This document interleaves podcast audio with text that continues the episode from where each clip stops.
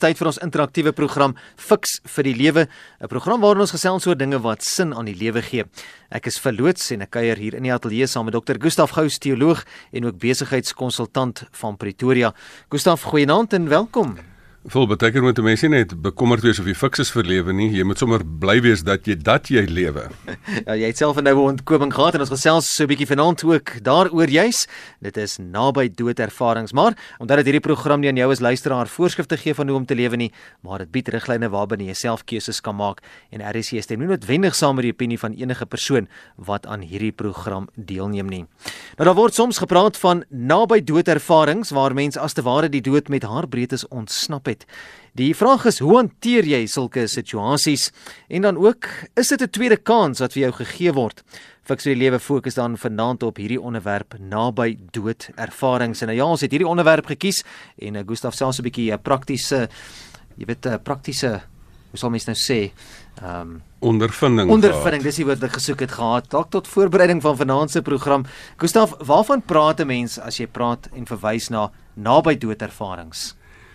Vol dit is daai waar jy daai vir 'n oomblik die dood in die oë gestaar het en dit wonderbaarlik oorkom het. Um, iemand het eendag gesê dit is wanneer jy die, die dal van doodskade weer gegaan het en jy het aan die ander kant uitgekom en die lig het weer aangegaan of ons het mos hierdie hierdie uitdrukkings dat ek het ternouer nood aan die dood ontkom of dit was so hitte te of dit het my met soveel of met 'n haarbreedte gemis. Balloni skuld. dit was en jy sê sjoe dit was amper. Dis dis daai oomblikke wat jy wat jy in die oë staar. Ek sê altyd selfs vir mense as jy kan kies wil jy amper raak gery word of wil jy amper misgery word. Nou, um, ek was amper raak gery in die sin van hierdie week want as jy met daai dunner as 'n Poloniese skuld, 'n Poloniese skuld sou die kar agter my nog verbygegaan het. Maar as jy waag om by 'n geel robot wat rooi word um, te stop en iemand jaag met volle spoed amper in jou vas en skuur so by jou dat die ander kar se verf op jou kar se verf ingeprent is, dan weet jy dit was nogal naby gewees en alsou ek self dalk nie gesterf het nie sou my rekenaar agter in die kar beslis gesterf het. So, um, dit is hierdie naby dood ervarings en almal van ons het dit al oorleef. Die feit dat mense nog kan luister na die program is 'n teken dat 'n klomp van ons dit nou al oorleef het. Ja, so dis Afrika, dis 'n rowwe wêreld daar buite. Nou Gustaf, op watter manier of maniere kan so 'n naby dood ervaring oor jou pad kom? Voel dit kom soos 'n dit kom blitsvinnig uit die bloute soos 'n weerligstraal. Sommige net vir my eie pret het ek nou klomp van hierdie YouTube video's gaan kyk waar van hierdie YouTube video's waar mense ja. so die kar ry so voor jou verby of ry jou net amper um um amper raak en so aan. En um een van daai seentjies wat ek daar gesien het, weet jy, hy sit daar so en hy speel daar in die reën in die weerlig, sy en sy maatjie is daar in die weerlig slat om op die klip hier langs en dat jy nie vonke sien spat en hoe daai ouppies gehardloop het. So hierdie goeters kom verskriklik um, vinnig oor jou. So dit kom maar net uit die bloute uit op jou aan. Jy sien nie kyk jy dood in die oë. En dan is daar 'n veranderingsproses wat in die, in in kan skop of nie in kan skop nie. Ek sê altyd ek het 'n nuwe woord geskep en ek noem dit vroeg want jy verander as daar een van hierdie vroeg goeters gebeur en die W vir vroeg staan vir waardeer as as as jy iets um, of 'n wonder raak sien dan verander jy. As 'n ramp jou tref dan verander 'n mens. As jy 'n ontdekking um, kry, dan verander 'n mens en as mens 'n baie noue doodservaring kry, dan verander 'n mens en as jy 'n nuwe geleentheid kry. Nou waar ons vanaand praat is hierdie hierdie ramp of hierdie ternouer dood ervaring wat jy kry en wat maak dat 'n mens dan die lewe bietjie anders bekyk daarna. Nou kom ons sit onsself bietjie in in so 'n persoon se skoene, hm. Gustaf. Hoe hoe beleef 'n mens so 'n naby dood ervaring? Vol, kom ons kyk dit eers kronologies. Jy het 'n voor, tydens en na proses daarso. Jy sit in die situasie en jy's hout gerus en jy's salig onbewus van enige probleem. En dan uh, skrik jy jou besimpeld. Dan skok dit jou dat jy dat jy nie weet um, waar jy is nie. En dan in daai oomblik dan reageer mense nou volgens hulle persoonlikheid en volgens hulle emosionele intelligensie waarna ons laasweek gesels het, reageer hulle nou verskillend. Ehm um, hierdie meisie was ek het lekker toetse gekry na laasweek se emosionele intelligensie program. Hierdie meisie was uh, wat laat was vir klas was baie ehm um, verbaas geweest dat ek nie op haar staan en skree het nie en en dis meer. So party mense skree, party mense dit is maar daai veg vlug of vries ding wat jy dan doen. Maar dan wat baie keer gebeur is na die tyd as jy nou by die kantoor aankom of ergens aankom, dan het jy dit nou oorleef en dan tref daai naskok jou. Daai realiteit skop in. En dan dan dan's letterlik jy sit daar so en jy sê blikskottel, ek kon dood gewees het. Ehm um, en jy jy bedink die konsekwensies daarso en daar het ek sommer by die stel trappe van die van die van die gebou gaan op en af hardloop net gou vir 'n keer of wat net om die adrenalien uit jou stelsel uit te kry. So dit is die die die die die kronologiese voor, tydens en na proses. Maar as jy dit op 'n dieper vlak kry, hoe beleef mense dit? Baie mense beleef dit ag net as luck. Dit is sommer net ag, dit was net my lucky day gewees. Um ander mense beleef dit as as dat die Here hulle regtig gehelp het, uit 'n diep benoudheid gehelp het. Die ander mense beleef dat hier een of ander boodskap in is. Hier's een of ander iets wat jy moet gebruik, jy moet hier's een of ander teken hier in een of ander ding waaruit jy moet sin maak. En ek hou nogal daarvan as mense dit dit so sien.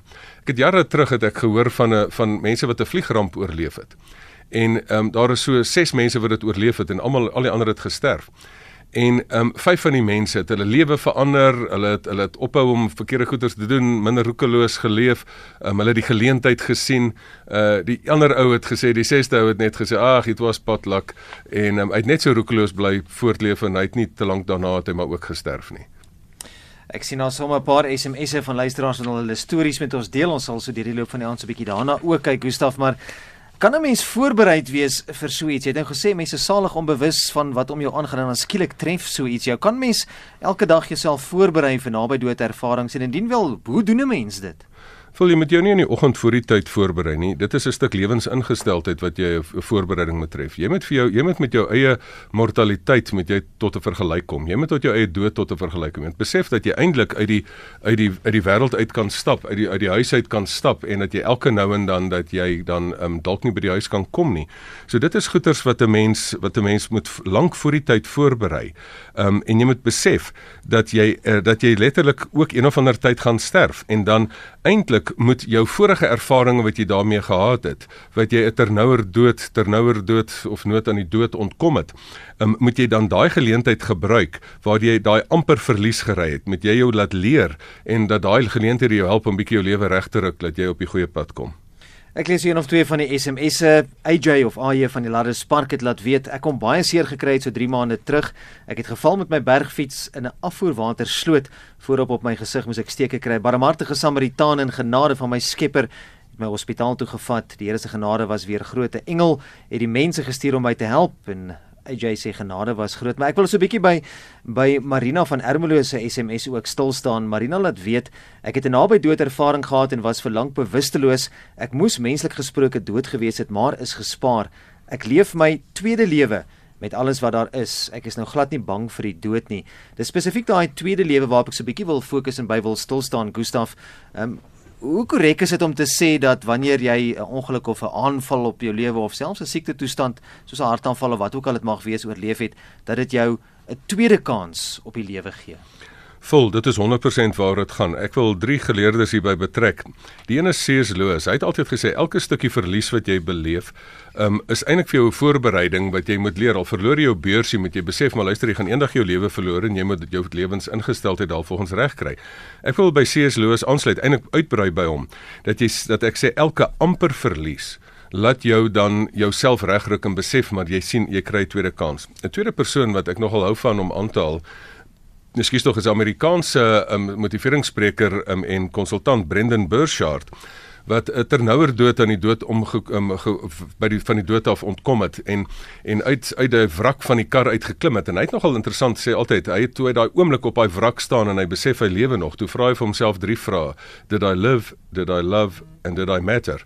So het ek gelewe het ek um, liefgehê en het ek 'n verskil gemaak En maar hy het ook toe 'n boek geskryf wat hy genoem het Life's Golden Ticket want hy het gesê hy het ook 'n prentjie gesien van asof hy daai goue kaartjie wat jy in die idols kompetisie asof die ding so uit die lug uitval. En hy het gesê daai dag het hy beleef asof hy 'n goue kaartjie gekry het wat wat deurgaan na die volgende ronde toe en as hy deurgaan na die volgende ronde toe dat hy dan spesifiek nou op 'n punt kom dat hy nou nog 'n kans op die verhoog het. So jy's nog nie van die verhoog af nie. As jy in die idols kompetisies as jy nie daai daai buzzer kry of daai kaartjie kry nie, is jy af. En as ons so ternouer dood ternouer nood aan die dood ontkom, dan is dit 'n geval van jy het jou goue kaartjie gekry. 'n Laaste persoon wat ek hierby wil bytrek is is een van die mees klassieke skrywers van alle tye hieroor. Van dit is Bob Beaufort wat wat met die dood ehm um, gekonfronteer is, nie sy eie dood nie, maar die dood van sy seun.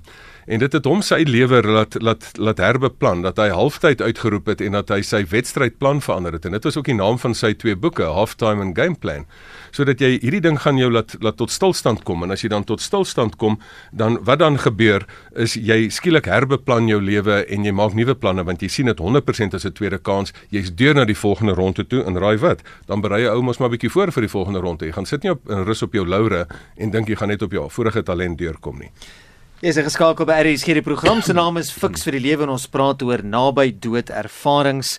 En jy kan gerus saamgesels. SMS se welkom by 45770 en dit kos R1.50 of gaan na ons webblad rsg.co.za om 'n e-pos te stuur of gesels saam op Facebook. Nou jy gepraat van daardie goue kaartjie het so verwys na na die Idols kompetisie om dit bietjie prakties te maak. En as jy nou daai tweede kaart, daai tweede kans gekry het Gustaf daai goue kaartjie dan moet jy seker jou lewe sinvol aanpak. Hoe hoe sou jy dit doen? Vol vir my is die ironie. As jy 'n goue kaartjie in so 'n sing kompetisie kry, dan brei die mense voor en dan gaan voort. Maar wat vir my verstommend is, partykeer kry die mense hierdie waarskuwings en sê luister, jy kon van die veld af gewees het ou maat, maar dat mense nie luister nie en hulle hulle wil nie dan daarop reageer nie.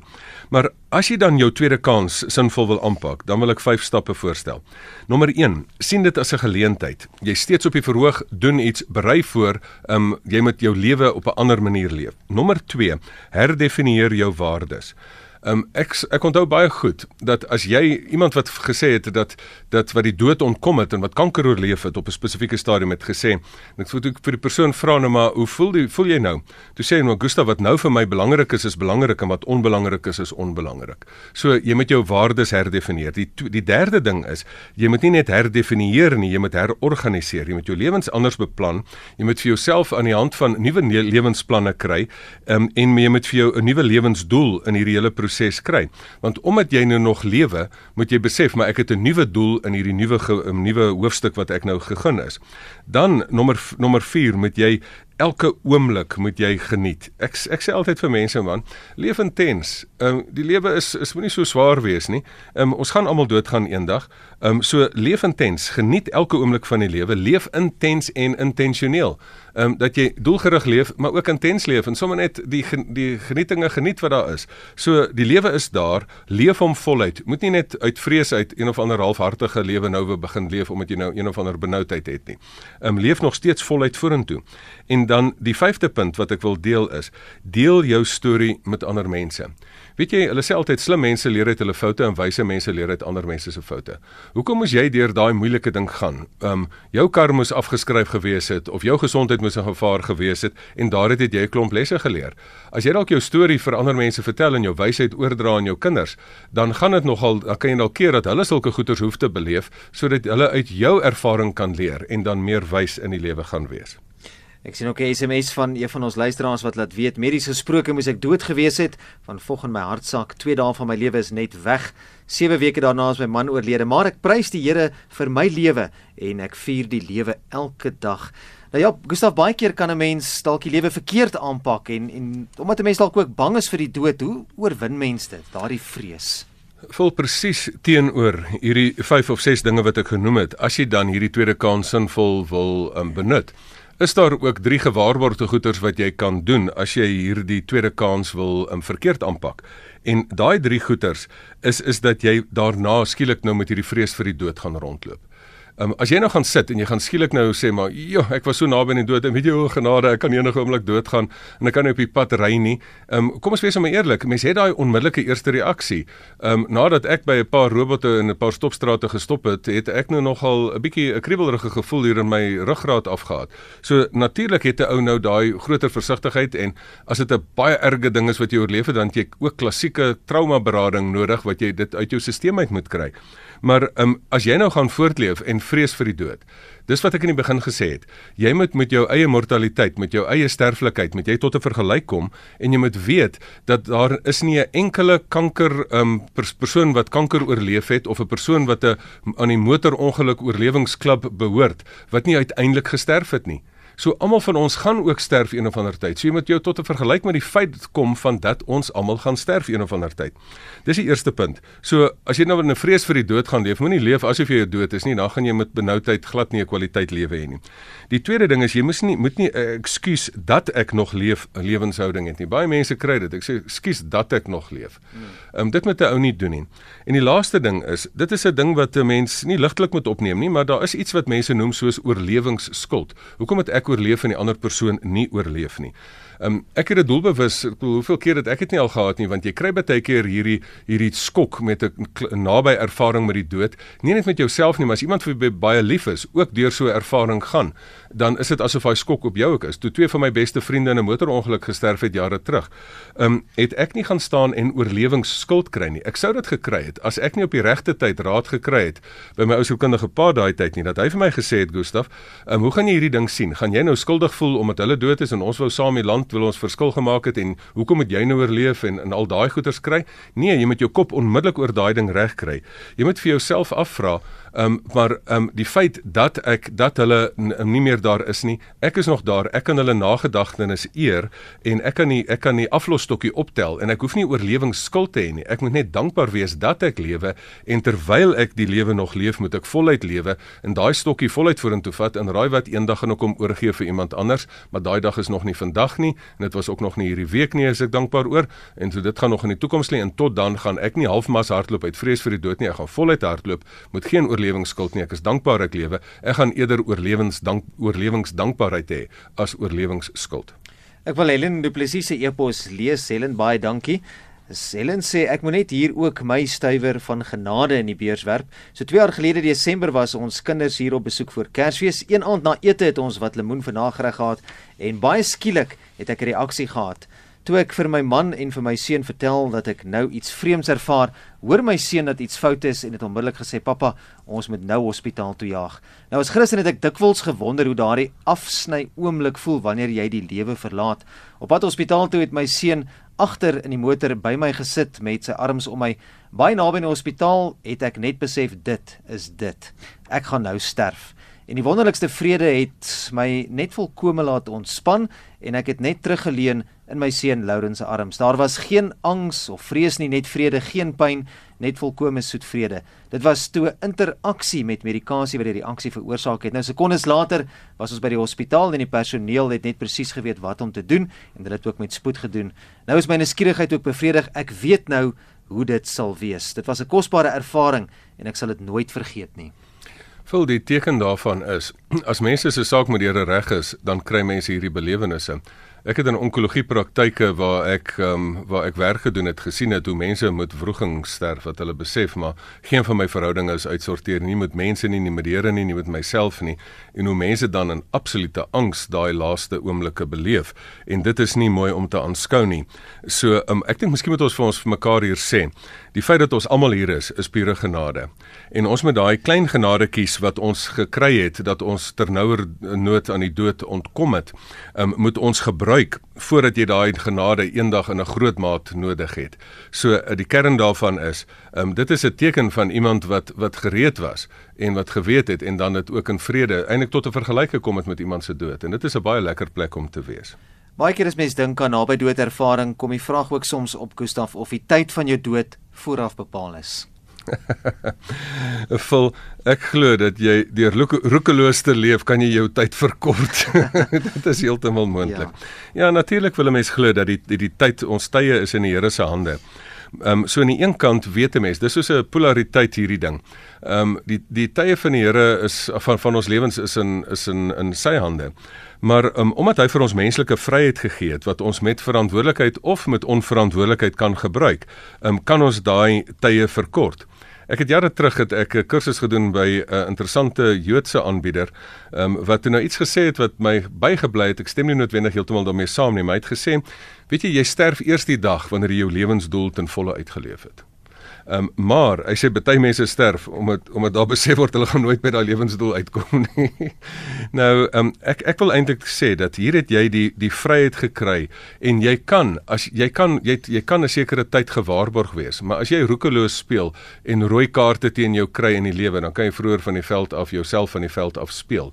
So dit is in 'n baie groot mate ook in ons hand um, of jy roekeloos leef. En as jy dan hierdie as jy dan 'n aandeel gehad het, as daai waar jy waar jy so 'n naby dood ervaring gehad het, nie as gevolg van iemand anders se onverantwoordelikheid was nie, maar as ge, as gevolg van jou eie roekeloosheid was en jy het nie dit as 'n wakker skrik of 'n wakker word ervaring gebruik nie, um, dan is dit maar net jou eie verantwoordelikheid as jy dan voortydig eintlik sterf. Nou as jy so 'n bietjie praat van roekeloos lewe, Gustaf, wat wie of wat bring naby dood ervaring op jou pad? Is dit jouself of is dit God of is dit omstandighede of is dit so 'n kombinasie dalk van van dit?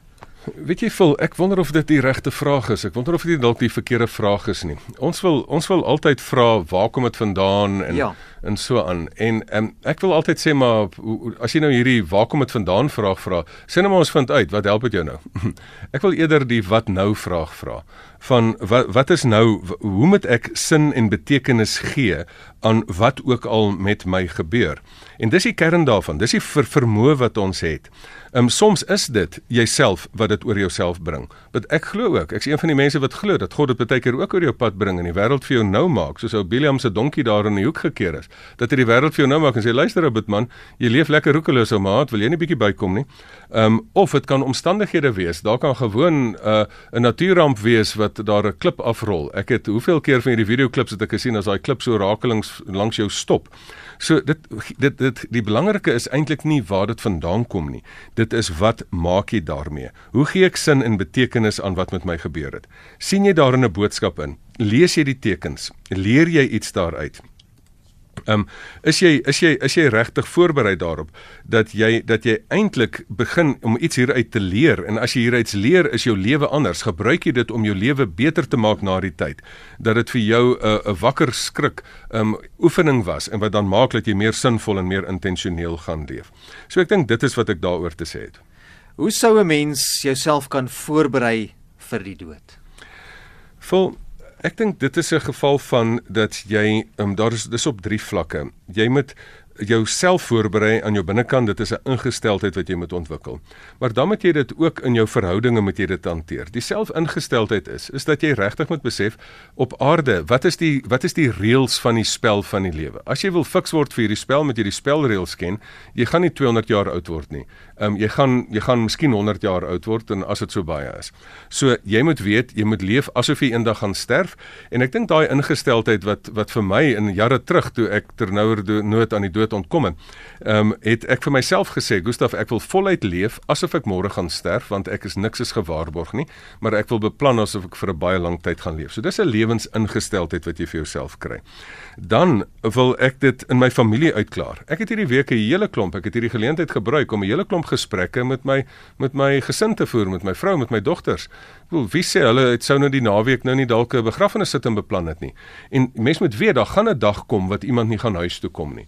En dit gaan hartseer wees en jy moet jy moet voorberei daarop dat jy sê maar kom ons hê lief terwyl ons kan. Kom ons leef so intens dat wanneer daai dag gebeur, dat jy weet dit gaan intens hartseer wees, maar jy weet jy was voorberei daarop en al het mense mekaar so bietjie in in ongemak nie in die finaal totsiens gesoen daai oggend nie. Dit is nie wat in die laaste oggend gebeur het nie dit is wat oor 'n leeftyd gebeur het hoe mense mekaar se lewe gesaai het. So so dit was baie sinvol dat 'n mens oor die dood moet praat. Jy moenie maak asof dis nou nie om die kinders bang te maak nie. Jy sê net vir hulle luister raai wat ek het nie ek het geen plan om om dood te gaan nie. Ek gaan my bes probeer om in die lewe te bly. Maar as dit gebeur hier is dit is wat gebeur.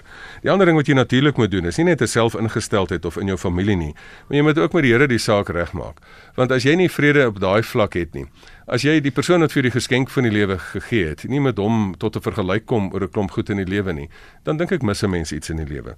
En ek dink as jy daarmee 'n stuk vrede het, dan kan jy met vrede in die dag ingaan dat selfs tot in die dood, wanneer jy oor daai poort moet gaan, dan weet jy jy gaan nie alleen wees nie en en, en die Here gaan saam met jou stap en hy gaan vir die ander kant ook wag. Nou ons onderwerp vanaand naby dood ervarings, Gustaf ons moet saamvat Ons hoor baie van naby dood ervarings, maar moet ons nie dalk liewer konsentreer op voluit lewe ervarings nie? Vol ehm um, nou praat jy. Ehm um, ek wil eintlik sê die naby dood ervarings aktiveer jou vir meer voluit lewe erf, um, ervarings. En dit moet jou maak dat jy jou jou gedrag gaan verander. Jy moenie hierdie naby dood ervaring kry en dan nou maar dink jy kan aangaan om te teks terwyl op jou selfoon te teks terwyl jy nou ry nie. En jy moet nou 'n bietjie leer om daai ding neer te sit en en wakker te wees as jy in die verkeer is. So mense moet hierdie met jou lesse leer. Ek wil opsom. Daar's die drie goeters wat jy nie moet doen nie. Jy moet nie gaan staan en val in oorlewingsskuld nie. Gaan eerder in oorlewingsdankbaarheid in. Die tweede ding is jy moenie leef met 'n vrees vir die dood heeltyd nie. Ons gaan doodgaan, maar die dood is 'n poort en dis nie 'n ding wat in jou te pletter loop nie. En jy moenie 'n uh, ekskuus dat ek nog leef houding kry nie. Dis die drie goed wat jy nie moet doen nie. Die die die vyf goeters of ses goeters wat jy moet doen is sien dit as 'n goue kaartjie wat jy gekry het. Jy's nog steeds op die verhoog. Ehm um, so sien dit as 'n geleentheid. Herdefinieer jou waardes. Ons moenie agter onbenullighede aanhardloop nie. Laat wat belangrik is belangrik wees in jou lewe en wat onbelangrik is onbelangrik wees. Dan herontdek jou lewensdoel vir jou volgende hoofstuk. Jy's op die veld, jy lewe nog met 'n doel, so jy moet nog 'n verskil maak. Dan gaan beplan jy daai doel. Jy gaan herorganiseer en herbeplan jou lewe met goeie planne wat jy in aksie sit om daai doel ten volle uit te leef. Dan raak jy nie te heavy nie. Jy lewe lig. Jy geniet dit. Jy's elke dag dankbaar. Ek het hierdie week loop en smile. Ek is so dankbaar ek lewe nog. Ek is so bly ek's nog op die verhoog. Is lekker. Ek is so bly ek kan vanaand hier wees. Dis vir my een groot vet vreugde. En dan moet jy ook nie net nie net vanaand moet ons nie net hierdie storie deel nie, maar elkeen wat hierdie ding deurgegaan het, moet in die kring wat jy is, moet jy jou storie deel van wysheid dat die wêreld vir jou nou geword het, dat ander mense uit daai storie kan leer sodat hulle hulle lewens kan herprogrammeer sodat hulle meer sinvol en meer gelukkig kan lewe. Dis 'n al 'n finansie fiks vir die lewe Gustaf baie dankie vir jou bydrae en as ons luisteraars met jou wil kontak maak E-posadres gustaf@gustafgous.co.za gous sonder 'n w. Um, op die Facebook bladsy gaan ek dieselfde e-posadres sommer nou intik gustaf@gustafgous.co.za. Die Facebook bladsy sal jy vir ons noem. Dis maklik, fiks vir die lewe. Jy gaan soek net vir fiks vir die lewe op Facebook. Jy gaan druk die like knoppie en dan kan jy ook sa daarso saam verder gesels.